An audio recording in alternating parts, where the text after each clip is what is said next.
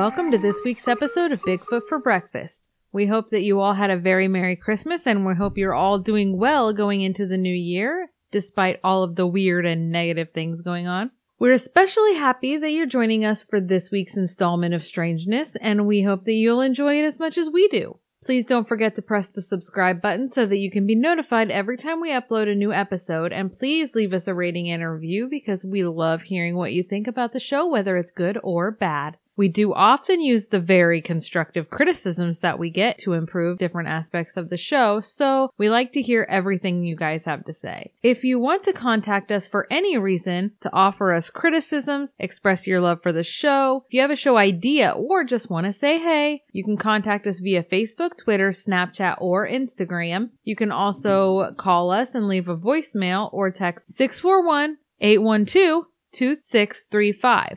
If you leave a voicemail there, you can expect to hear it on the next episode. And don't worry about anyone picking up when you call. The number goes straight to voicemail, so you don't have to worry about it ringing to someone's phone. We only announce this because we've had a couple of people express concern about it, and we want you to be assured that you will not be caught up in any awkward conversations with either one of us upon calling this number. So please do so. We love hearing from you. And speaking of voicemails, we did have one this past week, so here it is. Hello, Samantha and Sarah. This is Jeff Berry. I love your show, and I had a show idea.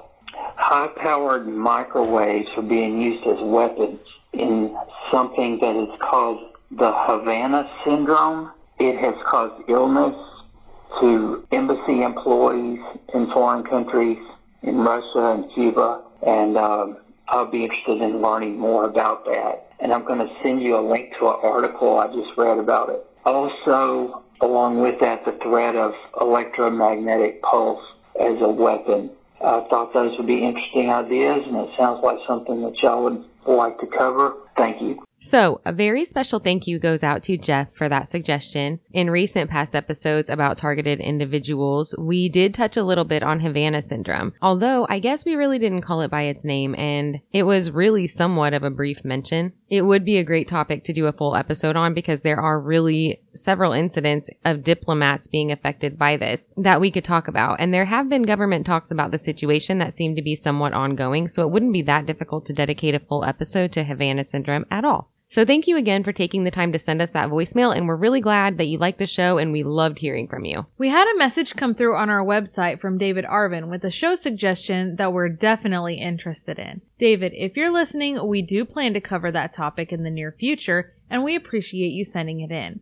We also wanted to say thank you for listening and thank you for commenting on our lighthearted banter. Because if there's anything that we get some flack for, it's for that. Listeners either like it or they don't, but we do like to keep things light around here and we tend to get off subject a little, but we do try to stick to the story as much as possible. But David does say that he enjoys our jokes, so that's awesome and thank you. We also got a message on our website from a girl named Kelsey Emmons, so we want to give her a Bigfoot for Breakfast shout out as well. Kelsey just started listening to the show and made a great suggestion also. She suggested that we cover a place called Edinburgh Manor in Scotch Grove, Iowa. This was really cool to hear because we are actually from Iowa, and although Edinburgh Manor is a few hours from where we live, we have actually been fortunate enough to spend some time there and we stayed the night, so it would be pretty easy to do an episode on this as well, and include some of our own personal experiences from this super creepy place. Thank you so much for your email, Kelsey, and I'm sure that we can come up with an episode for you on Edinburgh Manor in the future.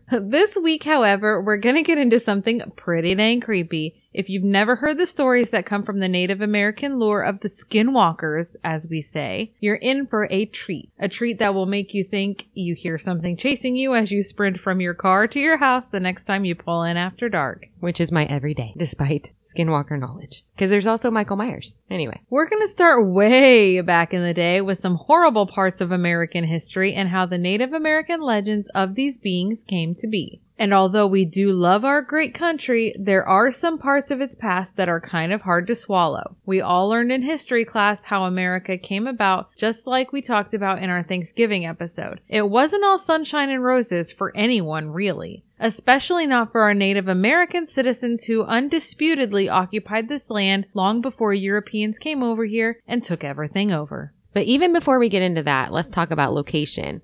Although people claim sightings of skinwalkers to this day all over the United States and beyond, it seems to be that the most frequent locations and actual lore at the local levels are mostly centralized to Utah, Arizona, New Mexico, and Colorado. So we're dealing mostly with the American Southwest here in the Four Corners area where these states meet. And this is because the tribes from which this lore originated are located here. The Navajo is where most of the legend comes from, but the Utes also have long-standing stories regarding skinwalkers as well. Obviously, the legend of the Skinwalker originates in the incredibly interesting legendary and mystical history of the Native Americans here, and we want to carefully point out the obvious fact that our Irish asses are not Native American, pretty much at all, so we want to express the great respect that we have for these cultures, and we will do our best to give the history, stories, and subject matter that we're including in this episode the dignity that it deserves because we understand that the legends and lore associated with these tribes is a huge part of their culture and is to be taken seriously. We're going to start off with a well-known quote from Ronald Reagan. The nine scariest words in the English language are, I'm from the government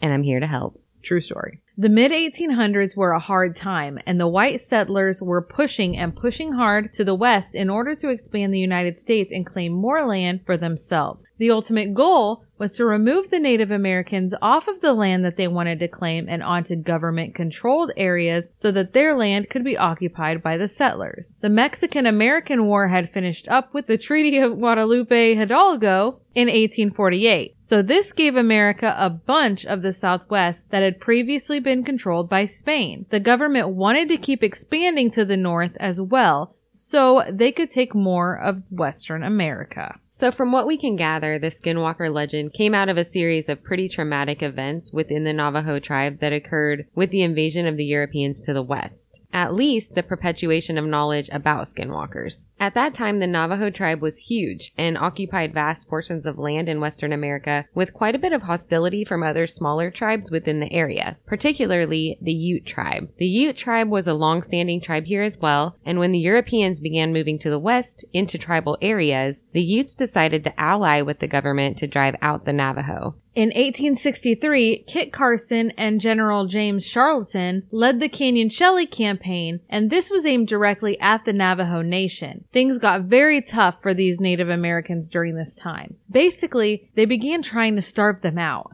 They killed their livestock by placing a bounty on them and allowing hunters to go into the land and kill the Native Americans' food for a small amount of payment per animal. They also sought out and destroyed any water sources that may be available to the Navajo people. This kind of work, but not enough. The Native Americans were definitely feeling this. They were facing pretty big hardships with much less food and dwindling water sources, but they weren't willing to leave their ancestral land so easily. So, a little later, Carson and Charlton decided to send men to just go into the territory and hide out, scouting the Indian people and killing them in small groups or one at a time. They would sneak in under the dark of night and burn their crops as well, further starving them out. All the while, they offered rewards to any Navajo people who would surrender. These rewards came in the form of food and clothing, that the Native Americans had been lacking. They wanted them to surrender so that they could move them into other territories that the Europeans didn't want.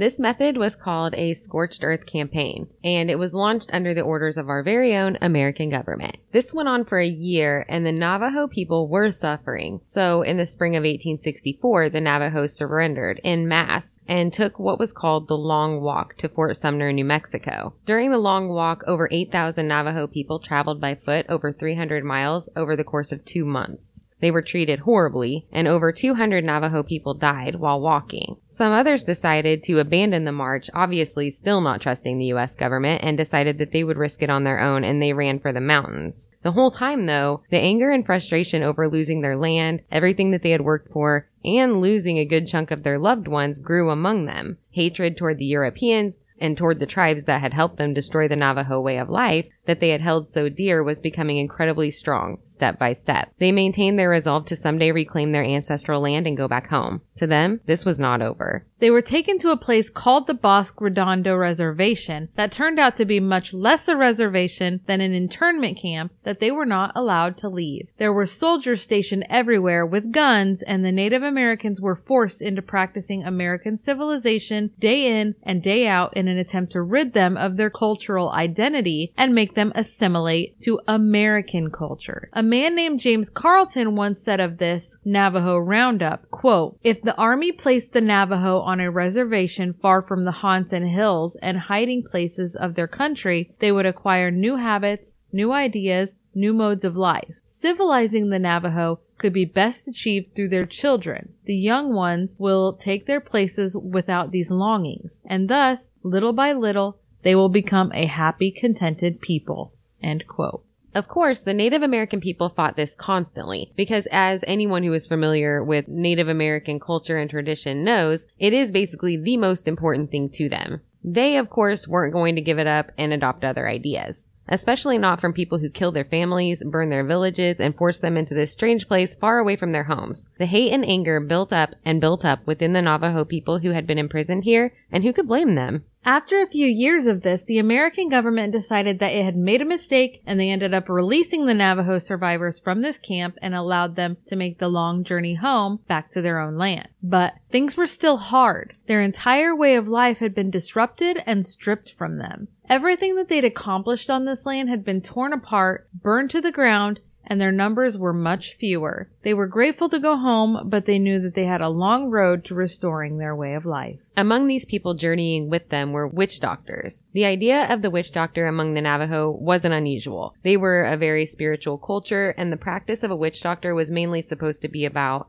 health, balance, and harmony. They would help people individually and also work among the tribe to keep things in check. They would perform various ceremonies throughout a person's life to promote blessing, healing, good luck, and success. These witch doctors were a large part of Navajo culture, and during this time of hardship and suffering, it seems that some of the spiritual leaders lost their hope and their way, turning to a different path that was less about health, balance, and harmony and more about hate, spite, and revenge, and it consumed their very souls. There are different levels of priesthood within this art, and supposedly the legend goes that there were certain priests who could choose to use their powers in ways that were not acceptable within the tribe, and because they knew that it wasn't acceptable and they would be punished for it, they kept it a secret. The powers and knowledge that they received were supposed to be used for the good of the people. Some of these people would go through the ceremonial and education routes to gain their knowledge to become a medicine man, but then would decide to use their powers for self-serving and evil purposes.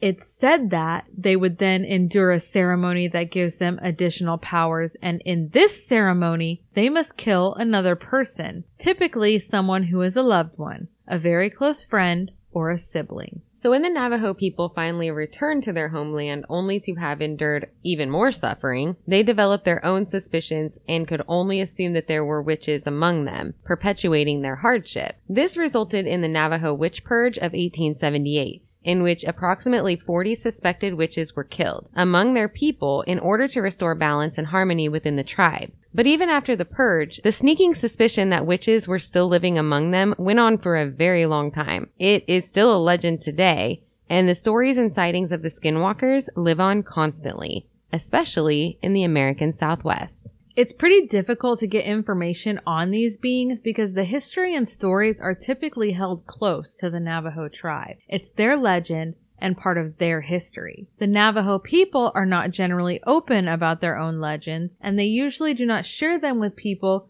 who are not Navajo. For one, it seems that it is just straight up looked down upon. It's none of our business. Also, it seems to be believed that if a Navajo person goes around talking about these shape-shifting priests that are referred to as skinwalkers, they are said to be opening themselves up for a visit from one, drawing its attention, if you will. So they usually just don't do it. They not only won't discuss the beings with outsiders, but often won't even discuss it with each other. Skinwalkers are thought to be living among them.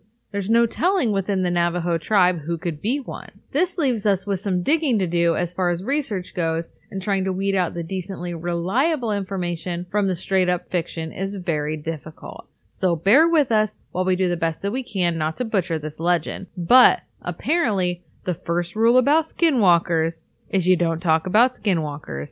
So we've kind of already messed that up since that's exactly what we're fixing to do. In the words of author Jeffrey J. Kripal, the sacred is understood to not be a stable thing out there, but kind of a living energetic presence, power or effervescence interacting within a particular individual or community. Hence, its fundamentally paradoxical structure at once inside and outside, at once mental and material, Clearly, when we're dealing with the monster as a paradoxical manifestation of the sacred, we are not dealing with pure evil, simple destruction, or unmitigated chaos. Nor are we dealing with zoology, or with ordinary fantasy, projection, or cultural discourse, or any other academically correct subjectivism or relativism. Since when does such a discourse carry away your livestock, or a subjective projection melt your dog?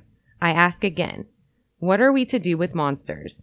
With real monsters. Obviously, when Kripal is talking about melting dogs and disappearing cattle, he's more likely referring to the situations in which UFOs are involved. But this quote can be applied to almost any historical monster in existence that manifests some sort of consequence and influences the world in a physical way, right? Whether we're talking about the physical alterations attributed to UFOs or the large cultural impact of that of skinwalkers on the Navajo culture, there's plenty of reason to believe it.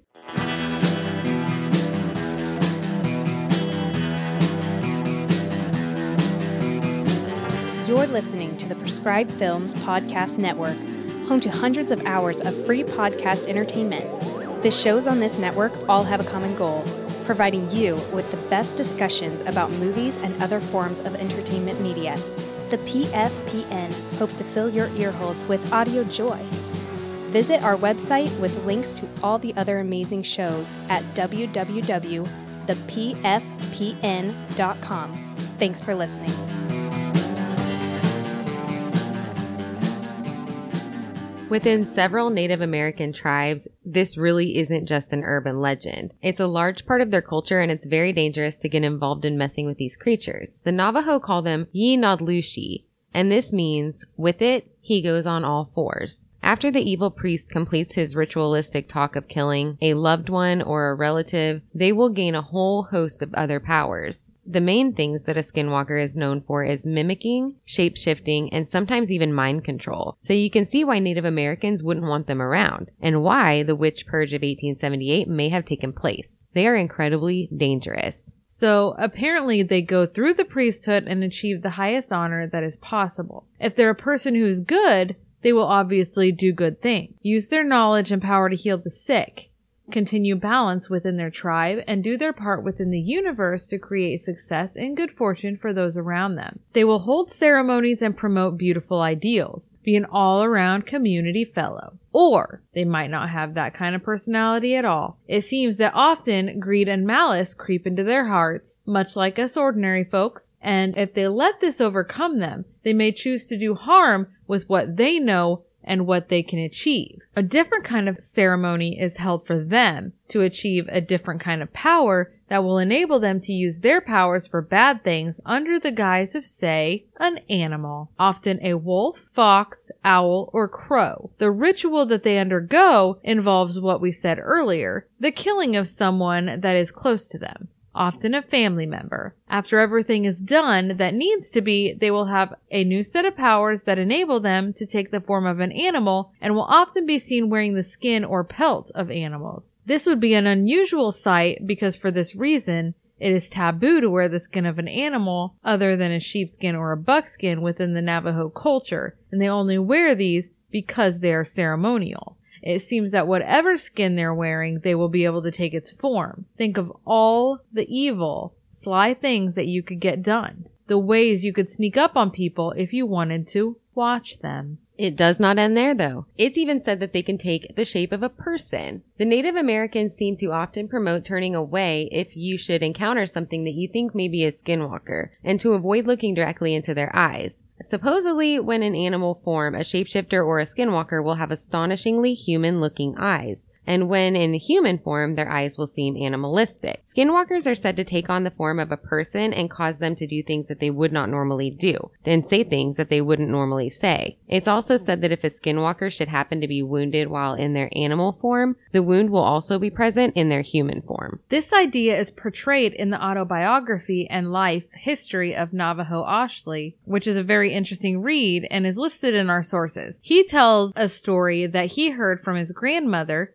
that goes like this. Someone had gone hunting and shot a coyote that had run into some bushes. The person looked to see which way the animal would come out, then slowly crept to where the coyote had gone. There sat a woman, a skinwalker, with a coyote skin beside her. The hunter said that he did not mean to shoot her and that he thought that she was a coyote. The woman remained there. The person who shot the coyote cleaned off the hook thorns from a cactus and put it on the woman's wounds. He gave her food and water, and after 30 days asked her if she was well again. She said she was, so the man told her to be on her way. She tried to put her coyote skin back on. Then she finally said that if someone's watching, the skin would not do it. The person went over the hill. As he glanced back, the coyote was running the other way going back to where it had come from. It sounds like it also isn't uncommon for a skinwalker to be found near a burial site or a cemetery. We realize that this sounds pretty cliche for a creature of lore, but the reason behind this, we think,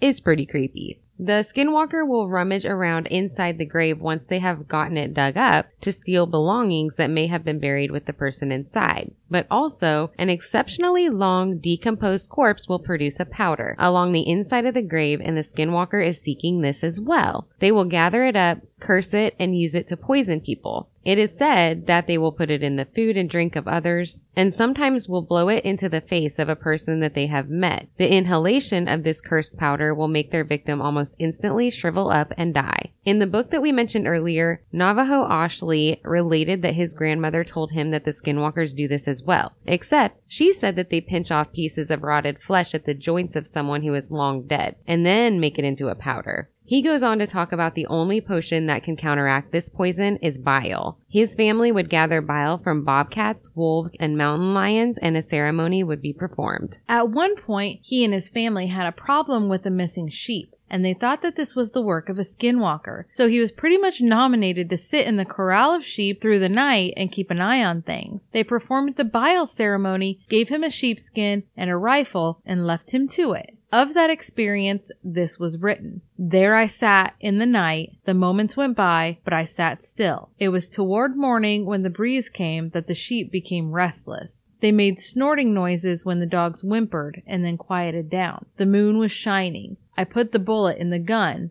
Then I heard it coming, and it came with a loud sound, really loud. It sounded like a horse running. It was in the sheep corral and tried to get the sheep into a corner. It was as big as the finest large dog. This one had red fur and a white streak down its face. Its tail was just hanging there and did not look like it was connected to the body. Maybe it was just sewn on. I think it was either its tail or its claw that was making a sound like a pack rat. I looked very closely and could smell something. As it walked by me, I shot and it howled like a human. He went on to talk about later finding out that a man who lived nearby died of a gunshot wound in that exact same area, and he knew that it was him that he had shot. Navajo Ashley states that this was the experience that made him realize that the stories of his childhood were true. There really were skinwalkers. So while most stories that you hear about skinwalkers will make it seem that they are more of a curious creature sneaking around behind rocks and trees, stalking you, following you home to mess with you, there is plenty of reason to believe that they are, in fact, actually very dangerous in a sense, and they will simply just kill a person. A man named Gary Swanson wrote a book called Native American Witches, Curses, and Skinwalkers, in which he details stories from members of a Navajo tribe that he is acquainted with. In one story told by a man named Charlie Whitehorse out of Tempe, Arizona, he had hired a guide named Donnie to assist him through Navajo territory in order to find some symbols inside of a dwelling that he could use to interpret a document. Some Indiana Jones stuff right there. He had been approved to enter the territory for research purposes, but hired the Navajo guide in order to avoid having to show documentation constantly throughout the journey. Long story short, they made it to the ancient dwelling and they tried to show this place the utmost respect by not touching things that they weren't supposed to. They both expressed nervousness about sleeping near the Sipapu, which sounds like it's a large flat stone on the floor of the center of the largest dwelling and is thought to be a portal to the other world. So I could see how it would make a person anxious. The other world is said to be where the Anasazis were, and the Sipapu is how they travel between the world of the gods and the mortal earth. They did end up staying the night there since it got too dark, and they started a fire inside one of the smaller dwellings a distance away from the Sipapu. At some point during the night, the narrator says that he felt something brush against his face and it startled him awake. He opened his eyes, but he was careful not to move in case someone was around. He could easily see by the light of the moon that there was someone there, a creature inside the dwelling with him. He could see that the dark, shadowy, tall, and lanky creature was coming his way, and he could see that his guide was sleeping upright against the wall with his tarp over his face. So he knew that he was on his own and that his friend was totally unaware of this visitor. Charlie had already slowly fished his hand into his pocket and had a hold of the handle of his 38. So as the creature neared him, he was able to quickly pull his weapon and shoot at close range. He said that the creature immediately began screeching like a cheetah, and as the creature was stumbling around inside of the dwelling, Charlie pulled out his flashlight. In the light of the flashlight, he could see that the face of the creature had been totally shredded and the creature was stumbling closer and closer to the edge of the cliff until finally it fell off and as it hit the bottom, it ran away. For sure, he figured that his guide Donnie would be awake now from all of the commotion, but as he looked over to the wall, Donnie was still slumped against it with the tarp over his head.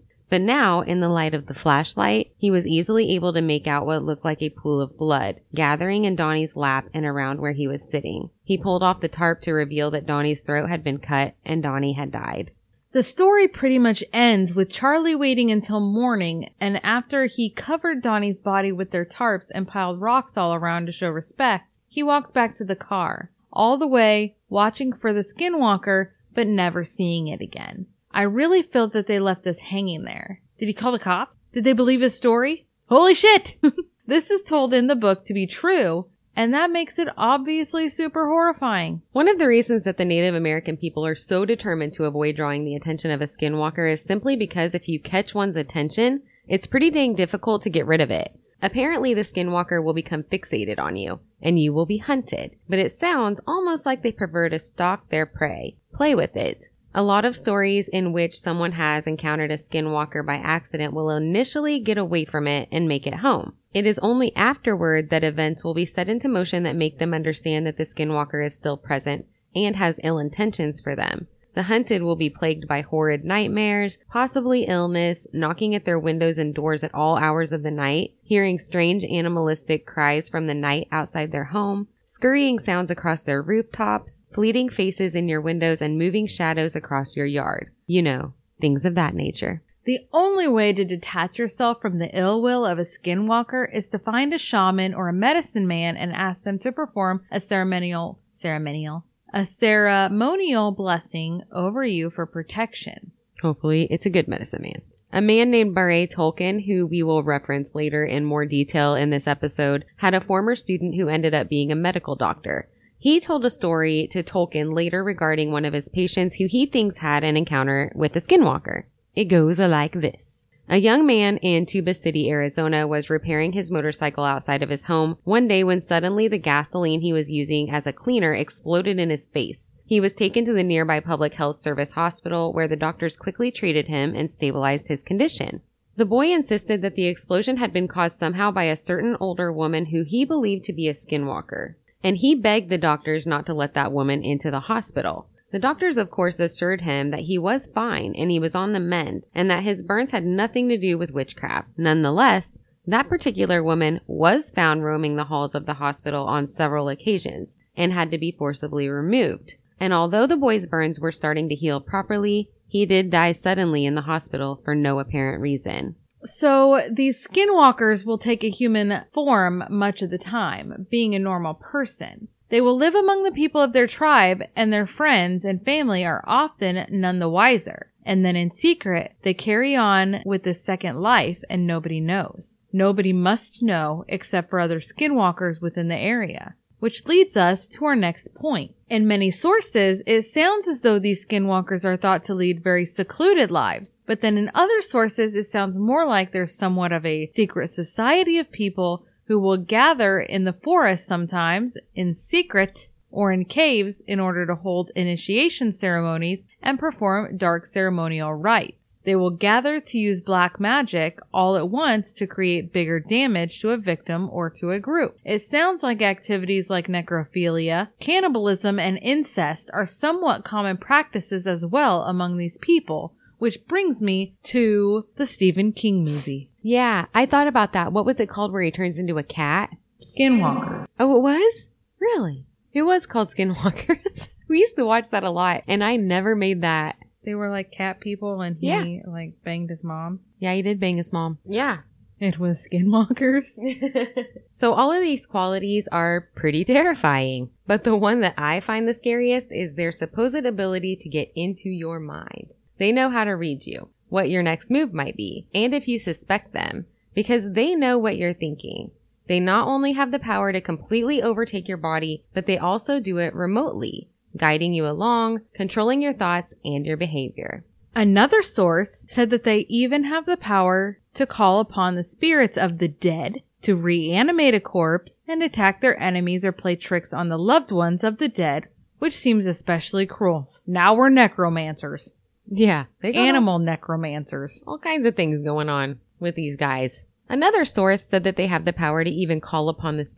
I just said that. I said it so professionally too. You know, I had it ah. going. It was going good. Anyway, let's move on to their enormously terrifying appearance. They may sometimes look like an ordinary animal, sometimes they look bigger, or something is just a little off about it. Despite their sometimes mostly ordinary appearance, they will have a ridiculous amount of strength or be able to run faster than your car, for example. They are agile and usually leave larger than normal tracks. They don't seem quite fully animal, and when they are human, they aren't quite fully human. And even just sighting one always seems to bring bad luck. In an essay by Barre Toelken, Barre, that is listed in our sources if you're interested in its entirety, which we recommend, he tells a story of a Navajo friend of his that was driving in a truck near the town of Red Mesa in which he, quote, noticed a dog-like animal running along parallel to him about 50 yards away from the highway. No matter how fast he went, the dog not only kept up,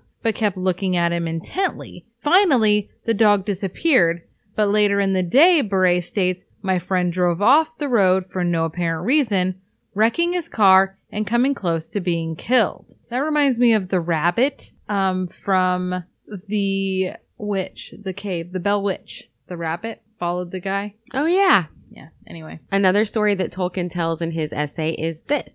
Another friend who once worked for the Navajo Nation police told me that he pulled over a speeding pickup west of Dennehotso just after dark and he walked up to the driver's window, shined his flashlight inside. There he saw four human figures, each with the head of a dog. Almost in unison, they turned and looked at him. He turned off his flashlight, returned to his car, drove directly to Kayenta, and tendered his resignation from the force. Which, hell yes. So one thing that I have often noticed in our reading this week about skinwalkers is some contradiction with appearance and movement. Some will say that they look just like the animal that they've taken the form of, except for maybe some big differences in eyes in the way that they move. Like we said earlier, they're often said to be pretty agile and astonishingly fast, while others claim to see them walk around on two legs just as naturally as a human being would. Like this story from Thought Catalog. This didn't happen to me, but a very close friend of mine, they say. I've heard a lot about coyotes and skinwalkers and had a weird experience or two with coyotes. The creepiest was waking up to my sleeping bag being surrounded by paw prints without ever having heard them through the night. But never anything paranormal, so to speak. Patrick's story, however, kept me from going back to a favorite backcountry secret stash. He was leaving the area one morning. He had been camping there a couple of days, and he said that there was a coyote that always seemed to be close by, like in his peripheral vision, but never overt. He loaded up his truck and started to drive down the wash out to the fire road. At the end of the wash, he could see that the coyote was following him. When he pulled onto the road, it was running next to him. Now he was kind of freaked out, so he sped up. So he said he was going 35 or so, and it was running along beside him. Definitely not possible. When he looked back, the coyote was running on two legs and was wearing what Patrick said looked like buckskin pants. An instant later, it was a person wearing a coyote fur keeping pace with his truck. When he looked again, it was gone. We never went back to the grove after that. See, that's where we're stupid. I feel like we would go back every day. Like a couple of immediately. idiots. I feel like I would have just slammed on my brakes and been like, Who are you? What just happened? Keanu! I feel like one of these days you're gonna catch me like in the taxidermy shop trying on animal skins to see what happens. Okay, that's weird, but okay. Look at my hooves. I have an otter. That would be fun. Yeah, no. I want to be an otter. Don't do it. Clack, clack, clack, clack, clack my rocks. Mm-hmm. Anywho. Oh, but then other sightings paint a different picture in their appearance and in their movements. We read a lot of accounts in which the skinwalker is claimed to be incredibly obvious. They are often described as looking like a hollowed out version of the animal, gaunt, sickly, as if they have indeed taken the form of the animal, but they don't seem fitted to the skin they are trying to disguise themselves in. We also have read several accounts in which the movements of the skinwalker are incredibly awkward. Jolty, twitchy, or slow and misguided looking. So that would be me. I would be the clumsiest fox, like ever Same. tripping over my own tail and stuff, but obviously I'd be chasing it because you'd have to. I mean, you have to chase your tail. Yep, it's a right. so here's one story that we found on Thought Catalog that we thought was super creepy, and I'm pretty sure that we've told this story once before, but it's definitely worth another round. So the story goes, quote, My uncle is Mexican and Native American. This happened in the Mojave Desert in Southern California. He was driving around with his girlfriend late at night and they saw something that looked like a huge black dog on the side of the road. He slowed down and the dog began crossing the road, but instead of walking like a normal dog would, this thing moved like a toy rocking horse. He said it stopped in the middle of the road and stared right at them, and its eyes had a red glow. My uncle is the most badass person I know, and it scared the crap out of him. That sounds like something that was similar to Bray Road too. I think Just- we talked about it in Bray Road. Yeah, that episode. weird, awkward movements. Yep, I think that's where that story was told before. We have told it. Skinwalkers are blamed in Native American legend for all kinds of things. Drought, sickness, death of livestock, bad fortune, windstorms, and various other tragedies affecting their well-being. That was part of the reason for the Navajo witch purge of 1878. Even after the Navajo could return to their land, things were never the same. They not only had to start all over after the Europeans came through destroying their waterways, they now had numerous people crossing their land in order to move to the west, hunting their food, driving their animals out of the land completely, more squabbles with the army. During the time before they could come back, while they were still in the concentration camps at Bosque Redondo, they were suffering so much there that it was during this time that the Native American people were really coming into this dark magic and using the art of shapeshifting to escape these conditions. Beyond that, they were so filled with hate over the things that they had lost that the dark arts just stuck with them and consumed them. So when the natives traveled back, they knew that there were some dark shaman among them, and they weren't completely sure who. Then one day, they found inside of a body the Treaty of 1868. Wrapped up inside of the treaty were artifacts associated with witches. In case we didn't mention it before, the Treaty of 1868 was the treaty signed so that the Navajo people could return to their homeland, or a small portion of it, after enduring so much suffering at the Army's internment camps. When this was found on the native land, so began the witch hunt and the assassination of 40 suspected culprits. Obviously, the dark magic didn't stop there though. Skinwalkers are still spotted to this day and suspected of tons of trickery around the American Southwest. Several sources that we read were liking the skinwalkers to the European werewolf. Where the correlations are there, kind of, there are so many differences as well. Obviously, the shapeshifting aspect is similar. However, that seems to be about it. The skinwalker seems to be able to shapeshift into its animal of choice and is able to do it when they want, whereas the werewolf shifts by night whether they like it or not. Also, where the werewolves are unwillingly turned into this creature, the skinwalkers wanted these powers. They asked for them and underwent certain ceremonial rites to achieve them. While the werewolf may not actually be evil per se, the skinwalker certainly seems to be. The werewolf is also portrayed as being somewhat unconscious after the transition to the animal and doesn't seem to remember the evil that they had done during their time as a wolf. The skinwalker seems aware and intentional, still having human qualities. Where a werewolf will lose all control and kill whoever they come across, just to do it in an animalistic fashion, the skinwalker's actions seem calculated and intelligent, and an interaction with one doesn't always mean death at all. The Legends of America website has a few of these stories. This one almost sounds kind of silly, but for real, this would freak me right out. A man was making repairs on his old ranch home when he began to hear loud laughter coming from the nearby sheep pen. Thinking he was alone, he went to investigate and found all of the sheep except for one huddled up in one corner of the pen. There was a lone ram separated from the group that was standing upright and laughing in a very human manner. And the man locked eyes with the ram. He sees that the ram's eyes are not that of an animal, but very like a human. The animal then casually just walked away on all four legs. That supposedly happened in Tuba City, Arizona, just outside of Monument Valley. So that's the second story we've got from Tuba City, which makes me think that we need to visit Road trip. Where's Tuba City? Arizona.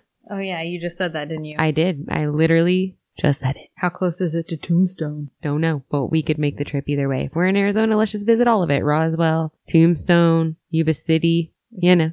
Is it Tuba City or Yuba City? It's Tuba. It's Yuba County that we did our other podcast on. I think I would just walk away too, straight to the livestock trailer to load up all of those damn sheep and take them to the sale barn. Absolutely. The end. Farewell, Bahram you. Yeah. Absolutely. Absolutely. From what we can read, and we can read, Can we though? the key to getting rid of and even weakening a skinwalker enough to kill it is to find out who they are. Once they are revealed for who they really are, the Navajo legend seems to say that the skinwalker will get sick and die for all of the wrongs that they have inflicted against others. And there are plenty of wrongs to talk about, but typically because according to various sources, including a personal essay by a man that we talked about earlier named Barre Toelken, in which he states that quote, a skinwalker is supposed to gain their powers by ruining those of others. That is to say, by using means which we would call competitive and aggressive. They seek to become strong by making others weak, become healthy by making others sick, become wealthy by making others poor, and so on. End quote. There's always a price that must be paid. There are a few interesting stories within this essay by Barre Toelken as well. If a person is found to be a skinwalker among the Navajo people, the natives believe that they have given up their right to be human and have succumbed to the dark arts. They should be killed. At the very least, they are banished from the tribe. We can't imagine that any person seeking this sort of evil power wouldn't be aware of this. So likely, one could surmise that this was an intentional secret transition to what some would call the dark side. And they had some sort of discontent already on their heart to walk through a door like this, fully knowing the repercussions that would follow. Other than calling them out by name and identifying them, it sounds like the only other way to kill a skinwalker is to shoot it with a bullet dipped in white ash. But it must be shot in the head or the neck. And with the speed and agility that they possess, it sounds like a pretty difficult thing to do. This is why most people seek the help of a native shaman to get rid of a skinwalker who is causing trouble or one who has targeted a person. Some of the stories in our episode came from the Phoenix Enigma website and were written by a man named Corey Daniel in 2015. We use these stories because he claims to have been working on a road crew with several Navajo men and these stories were relayed to him during this time. These more modern accounts seem to depict them as mostly being alone. And this makes sense, but some of the older Navajo stories make it seem as though the skinwalkers aren't necessarily just some individual person seeking out these powers and becoming a skinwalker, but it almost seems more like there are groups of them who teach each other, work together, and pass their evil knowledge down from one generation to the next. And then possibly they are seen alone while out hunting or completing a task for the group. I'm really working on figuring out where I heard this next story. And if I can find it, I will put it on our list of sources. But there is one that started out with a young woman in a dwelling in the woods with her younger brother. She saw two men in the woods and she heard one of them make a comment about seeing her alone in the dwelling and stated, Good, now I can get that girl. Of course, she got scared and she made a plan. She and her brother dug a hole in the dirt floor of the dwelling that had led to the outside. She told her brother that if they hear anyone coming in the night, he was to go to the hole and sneak out into the forest and run as fast as he could to get their family, while she fought off the men as long as she could. Of course, this did happen and the boy ran to get the family. Back at home where the family was, the older brother was not there because he was out hunting and often he just would stay in abandoned dwellings in the woods while they were out. The story jumps to him. He is out hunting and comes across a cave in the forest in which he finds a large group of people, and in the center of the cave are piles of human bones. Bones and remnants of human people and animals also used to decorate the walls of the cave, and he knew immediately that these were people who were learning to be wolves. Of course, he was captured. While he is a prisoner, they try to make him eat meat, but he knows that this meat is human. So he pretends to eat it, but he actually slips it into his shirt. The story states, he doesn't know that this meat is his sister. While in the cave, he notices a girl's head hanging on the wall, and the story states again, he doesn't know that this is his sister. Eventually, everyone in the cave goes to sleep and he can escape. This works fine, but as he is leaving, he accidentally makes a bunch of noise when he runs into a barrier that they had constructed to catch him escaping. So he runs as fast as he can into the woods. He ends up finding a large animal hole and uses a plant to disguise it while he hides. He hears them running all around him while he is hiding, some in human form, some in wolf form. Eventually they leave and he's able to run home and this is when he makes his escape. Later on at a ceremony within his own tribe, he sees the leader of this clan from the cave acting totally natural like he is just part of the tribe. So the boy takes aim with his bow and arrow and shoots him dead. And that's the end. Huh. Sometimes these Navajo stories just have kind of a matter of fact ending. Like it's just over. They don't tie up the loose ends that I need. I need resolution. Like, where's all the rest of them? Yeah, like, And does he ever find out that it's his sister? What do you do with the meat in his shirt? oh, I can tell you. There were dogs at the opening of the cave when he was trying to escape that would bark in case he escaped, and as he passed by them, he gave them that piece of meat. I Oh. forgot to mention that.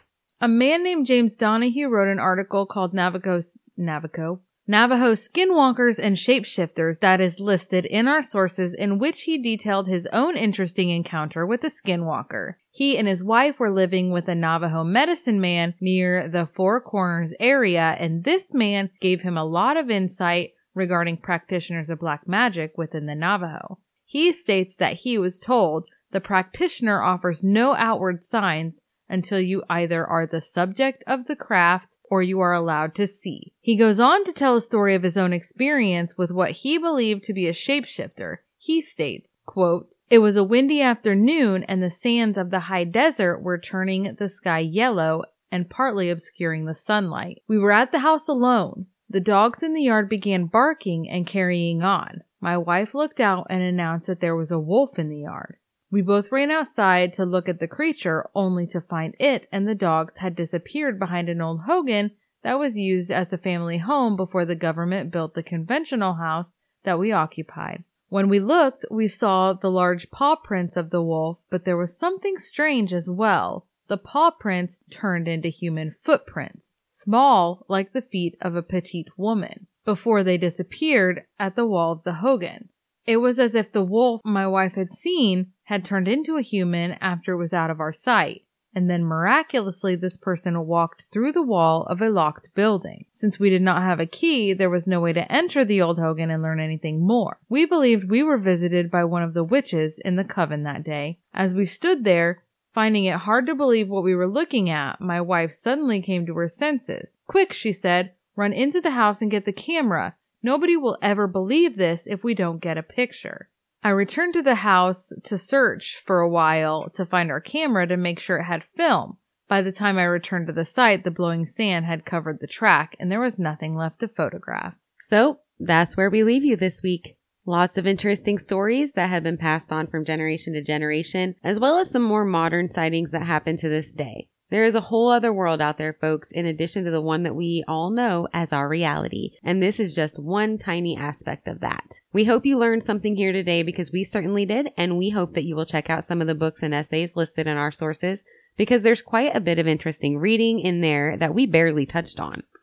Thank you so much for joining us, and we hope you'll be back for another installment of Creepy and Weird next week because it'll be here for you. Actually, we've got a pretty good month of January all planned out, and there will be somewhat of a theme the entire month, so be sure to check that out because we're sure that you'll find it pretty darn interesting. Make sure you push the subscribe button on whichever podcast platform you happen to be listening from and leave a rating and a review because this helps out the show. If you want to contact us for any reason, please message us on Twitter, Facebook, and Instagram or call and leave us a lovely voicemail at 641 812 2635 and we'll play it on the next episode.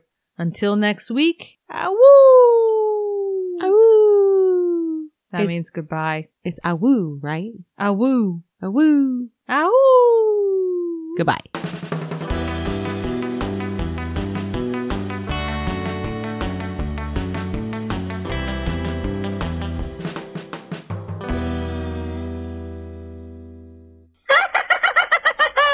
Come at me, bro.